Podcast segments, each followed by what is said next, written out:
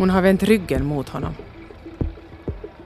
Trots att hon för bara några minuter sedan såg livrädd ut. Svettiga hårslingor krullar sig vid hennes nacke. Har hon plötsligt börjat lita på honom? I så fall kommer det att stå henne dyrt. Det här är första gången hon inte kommer att kunna dupera sin fiende. Vända hotet bort från sig själv och rikta det mot någon annan. Men ännu några minuter innan döden försöker hon. Hon rullar en penna mellan fingrarna och tar upp ett pappersark. Hon säger att finanserna igen är dåliga. Att det bästa nu vore att idka utpressning mot översten. Han kommer att betala och hon kommer att klara sig. Det är då han vet. Han kommer att göra det. Kvinnan är ett monster. Han tar fram pistolen. Han siktar mot nacken. När han sträcker ut handen är det bara två meter mellan pistolen och henne. Han trycker av. En gång. En gång till.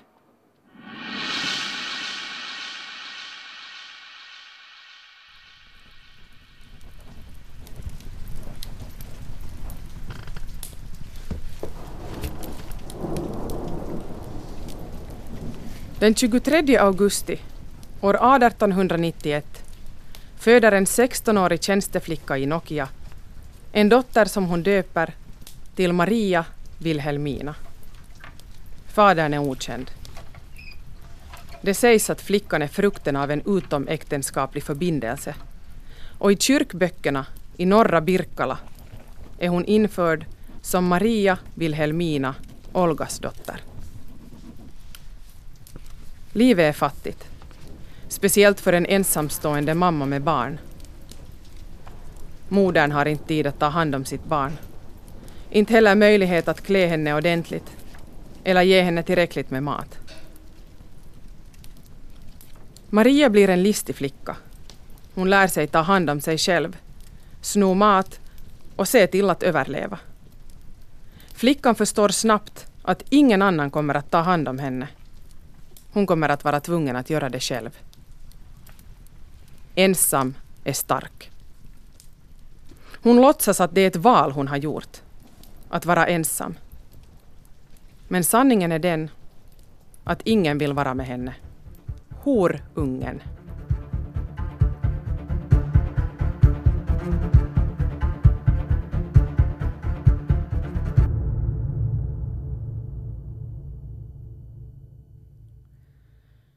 Maria är sju år när hennes mor gifter sig med en ung man. Mor och dotter tar mannens efternamn, Lindell. Den lilla familjen bosätter sig i Tavaskyrå. Här börjar en tråkig cirkus där Maria vart och vartannat år får ett nytt halvsyskon som alltid är kärare än den redan då något udda flickan som vantrivs i den nya familjen. Maria bestämmer sig för att hon inte hör hemma i den fattiga världen. Hon sneglar på de rika barnen och avskyr dem. Hon hatar deras blickar på henne. Hon ser hur de föraktar henne för hennes illaluktande lumpor till kläder. Ett starkt hat börjar gro i henne. Hon ska visa dem.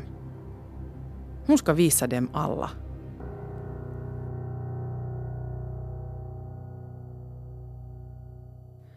Den mest avgörande händelsen sker när hon är som mest sårbar.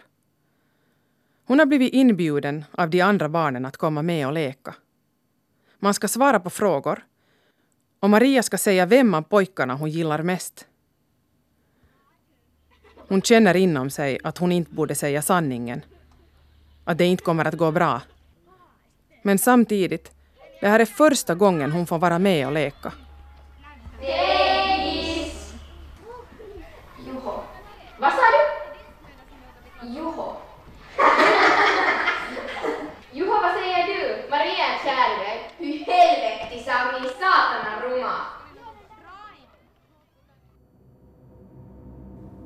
En kruka faller i golvet.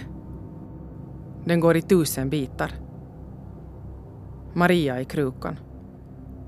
Hon kommer aldrig att bli hel igen. Men hon kommer att ägna resten av sitt liv åt att lappa ihop sig, göra sig starkare, bli okrossbar. Hon kommer att bli en maskin.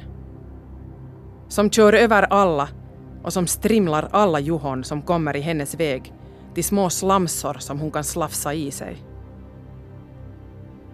Härefter är människor någonting hon ska använda sig av. Inte behöva, men använda sig av.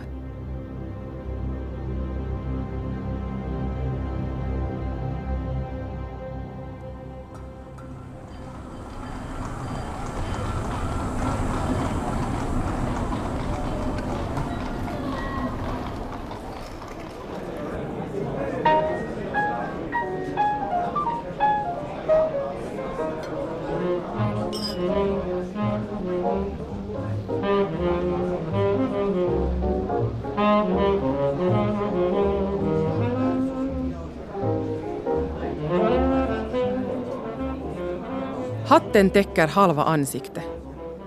Det är en dyr hatt, à la mode, kanske från Paris. Och kläderna ser nya ut, dyra. Senaste säsongen. Kvinnan är av obestämd ålder. Ansiktet är varken fult eller vackert. Men det är ett nytt ansikte på Ritz. Vem är hon?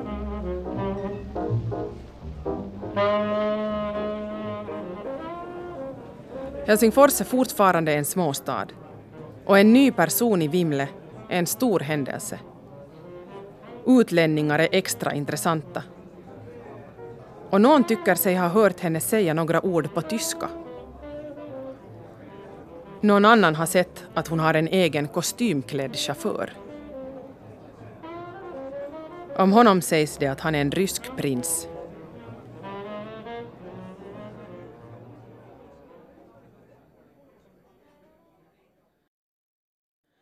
När Maria är 16 år dör hennes mamma. Maria flyttar ensam till Tammerfors och där försörjer hon sig som prostituerad och genom upprepade småstölder. Styvfadern och halvsyskonen vill hon inte ha någon kontakt med. Maria är helt ensam i världen, fysiskt och känslomässigt. Hon har ingen. Samtidigt smider hon planer för framtiden. Hon ska bli någonting. Hon ska bli någonting stort. Hon ska ta sig så långt bort från fattigdomen hon bara kan. Hon ska bli berömd och alla barndomens plågoandar kommer att ångra sig djupt.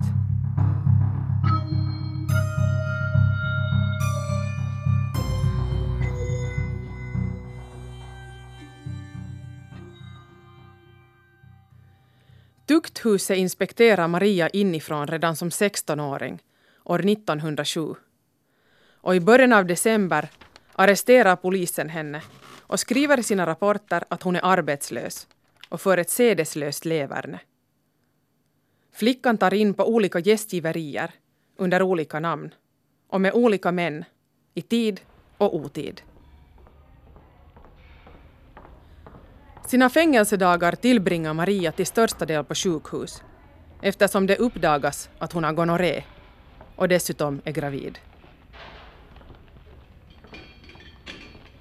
Maria föder sitt första barn, Maria Johanna, en dryg månad innan hon själv fyller 17. Barnet dör efter två veckor och på sin 17-årsdag är Maria ensam igen. Männen kommer och går. Ett år senare föder hon dotter nummer två. Anita Herta Ridebor. Anita Herta är död inom ett år. Senare började gå historier om att Maria är en barnamördare. Att hon till och med suttit i fängelse två och ett halvt år på grund av morden. Det här är inte sant. Sanningen är den att Maria gett bort sin dotter till fattighuset och att dottern insjuknat där.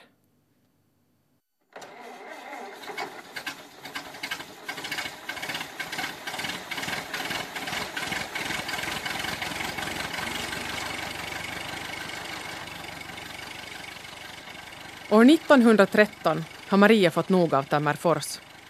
Och Tammerfors har också sett alldeles för mycket av Maria. Det är dags att flytta till Helsingfors permanent. I Helsingfors blir Maria fort gravid på nytt och föder sen en son som hon döper till Karl Måsia Fabian. Denna gång finns det också en pappakandidat med i bilden. Maria sällskapar med studenten Usko Oiva Ilmari Niinivaara. Och man planerar giftermål. Men planerna rinner snabbt ut i sanden. Sonen omhändertas. Maria besöker igen fängelse. Den här gången fängelse i Helsingfors. Också nu är hon gravid när hon stiger in i tukthuset. En sommardag i juni föder hon sin andra son, Sven-Olof.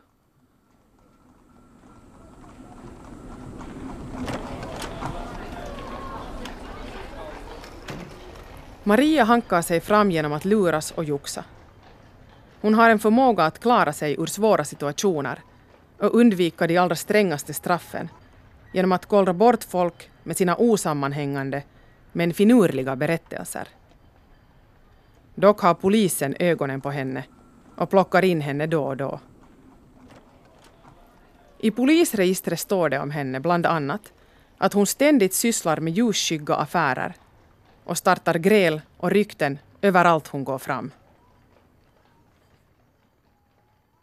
Den 6 februari 1923 lämnar Maria fängelse som 31-åring. Den sista sonen har hon nu gett bort. Hon är en fri kvinna och lovar sig själv att aldrig mer bli fasttagen. Och så kommer det också att bli. Det här är sista gången hon sitter i fängelse.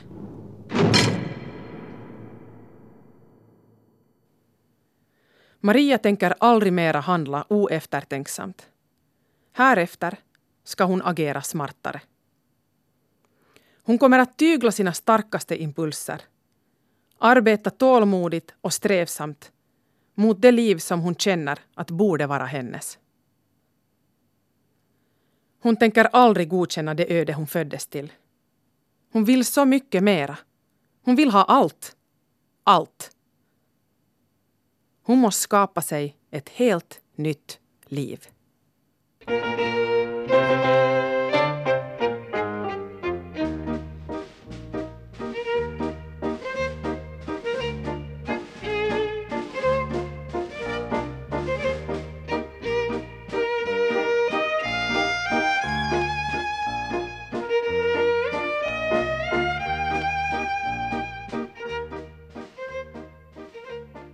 Steg ett i planen är att på sätt eller annat ta sig in i den finare världen. Och snart har hon också turen på sin sida, då hon blir anställd som betjänt hos den respekterade familjen Slör. Tack vare en uppdiktad meritförteckning anställer ingenjör Arne Slör Maria. Hon fattar genast tycke för honom. Arne har tjänstgjort i jägarbataljon 27 och Maria respekterar militärer. Hon inte bara respekterar militärer, utan alla män i uniform. Ett mål blir att i framtiden ha en man med uniform vid sin sida. Kosta vad det kosta vill.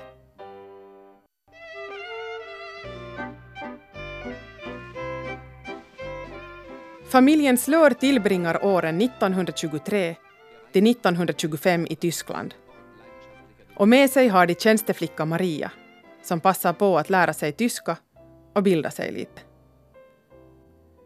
Det sker också ett mycket stort mirakel i Tyskland. Ett förvandlingsnummer av rang.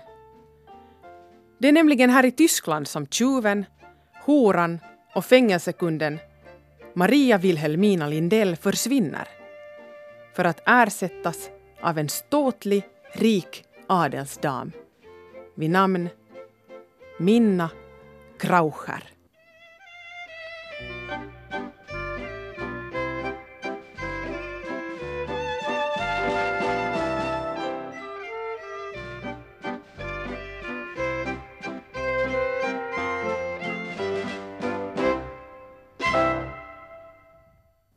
Minna Kraucher uppfinner sig själv från noll.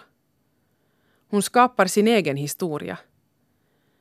En historia som inte har en enda beröringspunkt med hennes förflutna. När Minna flyttar från Tyskland tillbaka till Helsingfors är hon redo att stiga in i societeten. Redo för att bli bjuden på fester och visa upp sin nyförvärvade samhällsklass. Nu ska den noga uttänkta personan visas upp och testas.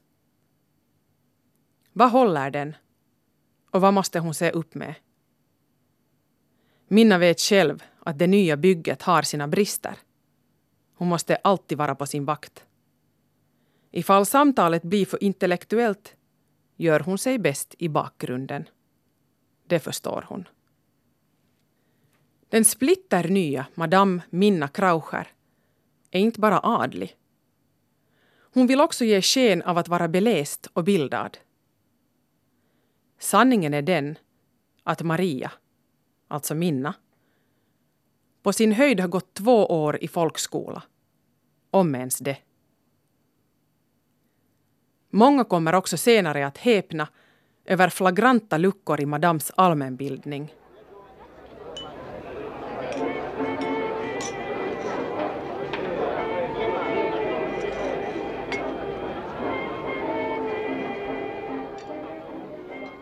Den paranta damen som stiger in på Ritz väcker stor nyfikenhet.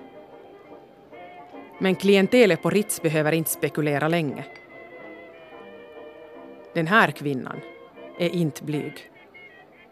Hon presenterar sig själv som Minna Kraucher, en tysk adelsdam. Och hör och häpna, hon är också språkbegåvad. Hon talar till och med finska. Dessutom flytande, eftersom hon vistas en del i Finland tidigare. Stadens herrar börjar snabbt cirkla kring Madame Kraucher. Hon kan trollbinda en hel sal självgoda män med sina historier. Hon är en sagolik berättare. Och hon har information som visar att hon känner de allra högsta herrarna. Hon låter alla förstå att hon känner till hemligheter från det innersta av maktens kretsar.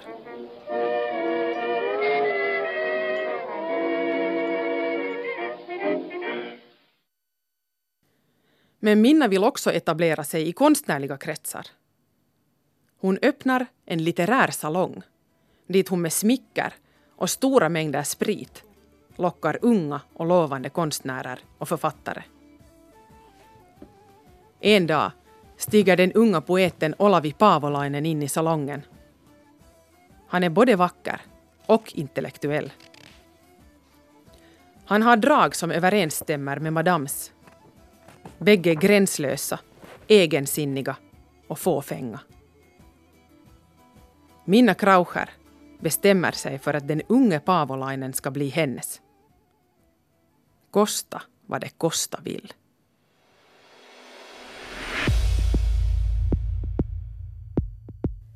Det här är den första delen av Svenska Yles krimpodd Adelsdamen och horan. En podd i tre delar om Minna Kraucher. Det här är en podd från svenska YLE.